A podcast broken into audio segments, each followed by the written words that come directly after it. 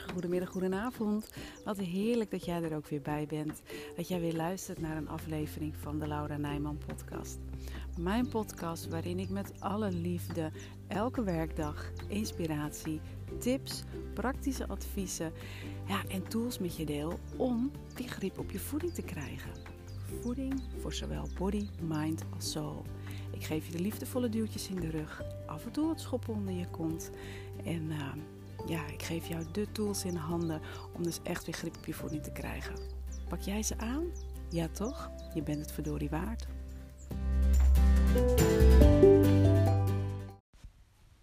Hey, hallo. Lieve mooie jij aan de andere kant van de lijn. Fijn dat je er vandaag weer bij bent. En uh, ik ben geraakt. Ik uh, ben heel erg geraakt. Want ik kreeg een uh, hele mooie reactie op uh, mijn podcast van twee dagen geleden. Dus eigenlijk is het van, van eind vorige week over volg je gevoel, niet je hoofd. Omdat ons gevoel altijd uh, ja, het bijterechte eind heeft. En dat we heel vaak willen we wel beslissingen nemen met ons hoofd, maar ja, wat ik toen ook al zei, er is ons hoofd niet voor gemaakt. En uh, ik ontving vandaag een, uh, een mail van, uh, van een van jullie, van een van, uh, van de luisteraars. En uh, ja, zij, zij, ze had de podcast geluisterd en um, dacht terug aan een, aan een fragment wat ze gelezen had. En dat ging over het hart. En ik vond het zo mooi. Ik ga het er zo meteen bij pakken. Ik ga het voor je voorlezen. Omdat er zijn zo, zoveel vrouwen die emotie eten doen, die last hebben van eetbuien of die zich op een andere manier overeten. En dus de grip op voeding helemaal kwijt zijn omdat ze uh, gaan eten vanuit frustratie bijvoorbeeld. Of omdat ze bang zijn. Of omdat er emoties opkomen waar ze niet goed raad mee weten. En um, dan worden die emoties gedempt, onderdrukt door middel van eten. En dat kan ook trouwens door middel van Netflixen zijn, of shoppen, of overmatig werken, of heel veel sporten. Of geval even scrollen op social media bijvoorbeeld. Um, om maar niet te hoeven voelen. En de maatschappij is ook heel erg gericht op ons hoofd. Hè? Dat we beslissingen met ons hoofd moeten nemen. De voor's en tegens afwegen en dan beslissing nemen. Um, en daardoor zijn heel veel vrouwen ook het uh, contact met hun gevoel kwijtgeraakt. Contact met hun hart kwijtgeraakt. En ja, dit komt in dat fragment zo enorm mooi naar voren dat ik.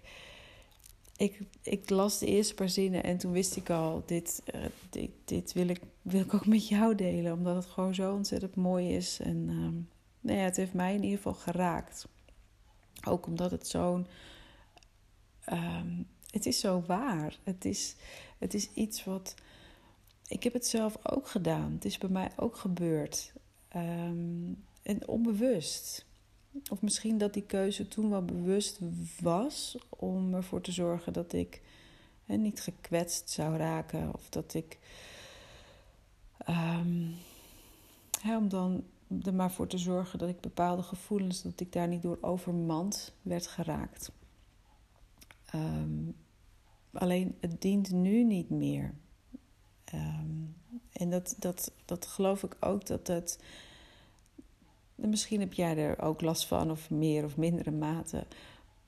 Um, maar weet in ieder geval dat het, het, het dient je niet meer. Je mag, je mag af. En nu klinkt het misschien nog een beetje abracadabra. Maar ik ga hem erbij pakken. En um, dan, als het goed is, loopt de um, opname gewoon door. En het is een, een fragment en dat heet Gesprek tussen hart en hoofd. En ik wil je aanraden om gewoon even de tijd nu ook te nemen om te luisteren en het binnen te laten komen. Ehm, ik ga verder ook geen afkondiging doen. Ik ga nu gewoon alleen dit stuk aan je voorlezen en aan jou. Um, ja, gewoon de taak om het inderdaad binnen te laten komen en het tot je te laten komen en het daarna ook te laten bezinken. Oké, gesprek tussen hart en hoofd. Waarom heb je me achter een schild geplaatst? vroeg het hart. Voor je eigen bestwil, antwoordde het hoofd. Hoe dat zo? vroeg het hart. Het schild zal je beschermen tegen pijn, zei het hoofd. Maar weet je dat zeker? vroeg het hart. Behoorlijk zeker, ja, antwoordde het hoofd. Maar vraag je je wel eens af of ik wel blij ben met deze situatie? vroeg het hart. Jij hebt me nooit gevraagd of ik achter een schild wilde leven. Je hebt het daar gewoon geplaatst, op de dag dat jij besloot dat het nodig was. Ja, en vanaf die dag heb je geen hartepijn meer gehad, toch? reageerde het hoofd. Dat is wat jij denkt, zei het hart. Maar dat is slechts gedeeltelijk waar. Het is waar dat mij sinds. Sorry, het is waar dat mij sinds die dag geen pijn meer is aangedaan door mensen die zo dichtbij konden komen dat ze me pijn konden doen. Maar pijn heb ik wel, continu. Want ik ben hier alleen achtergelaten. Ben hier helemaal in mijn uppie en niemand, zelfs jij niet, verbindt zich nog met mij. Ik ben een hart en liefde is mijn levensenergie. Ik ben op mijn best wanneer ik zoveel liefde kan geven als, als ontvangen. Maar niets van dat alles gebeurt nog. Vanwege het schild, het schild dat jij besloot voor me te plaatsen, zonder me te vragen hoe ik dat vond. Ik weet dat je het geplaatst hebt vanuit de beste intenties, maar het schild doet me meer kwaad dan goed. Ik ben een hart. Ik moet lief hebben, liefde voelen, liefde geven, liefde ontvangen. Als ik dat niet kan doen, wat voor nut heeft het dan dat ik er überhaupt ben? Het hoofd was stil nu, verward. Het begreep dat het hart zojuist iets heel belangrijks had gezegd. Maar hoe moest het dan met de angsten? Hoe zat het met bescherming? Zonder het schild zou het hart zo vreselijk kwetsbaar zijn. Het zou gekwetst kunnen worden, weer, opnieuw, en dat was altijd erg pijnlijk. Maar hart, zei het hoofd, zou je werkelijk liever zonder het schild willen leven? Wil je echt dat ik het schild wegneem, waardoor ik je blootstel aan zoveel gevaren, aan de mogelijkheid dat je weer gekwetst wordt? Ja, zei het hart, want ik ben niet gemaakt om achter een schild te leven.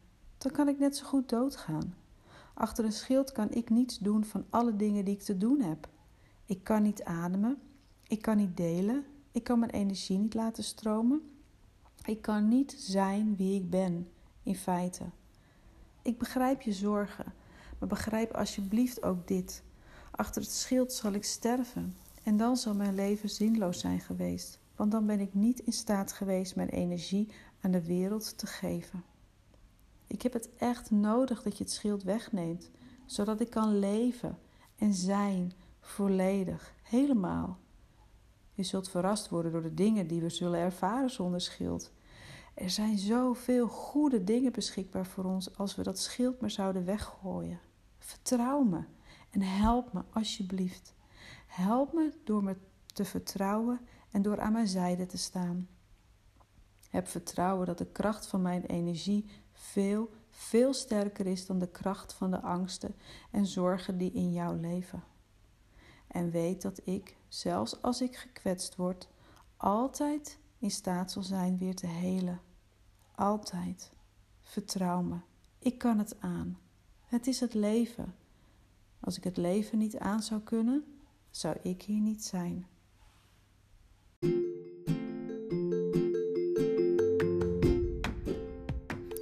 Dit was hem weer. Weer een aflevering van mijn podcast. Ik hoop echt zo enorm dat je er weer nieuwe inspiratie hebt uitgehaald. En dat je de stappen gaat zetten om ook weer grip op je voeding te krijgen.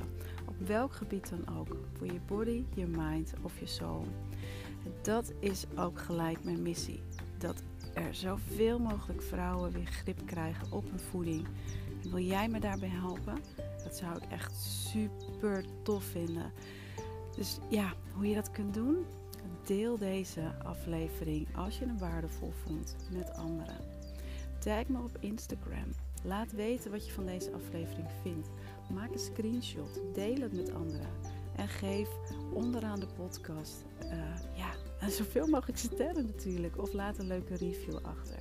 Dat allemaal gaat mij enorm helpen om ja, de podcast beter gevonden te laten worden en om mijn missie te volbrengen. Dankjewel voor het luisteren en tot de volgende keer.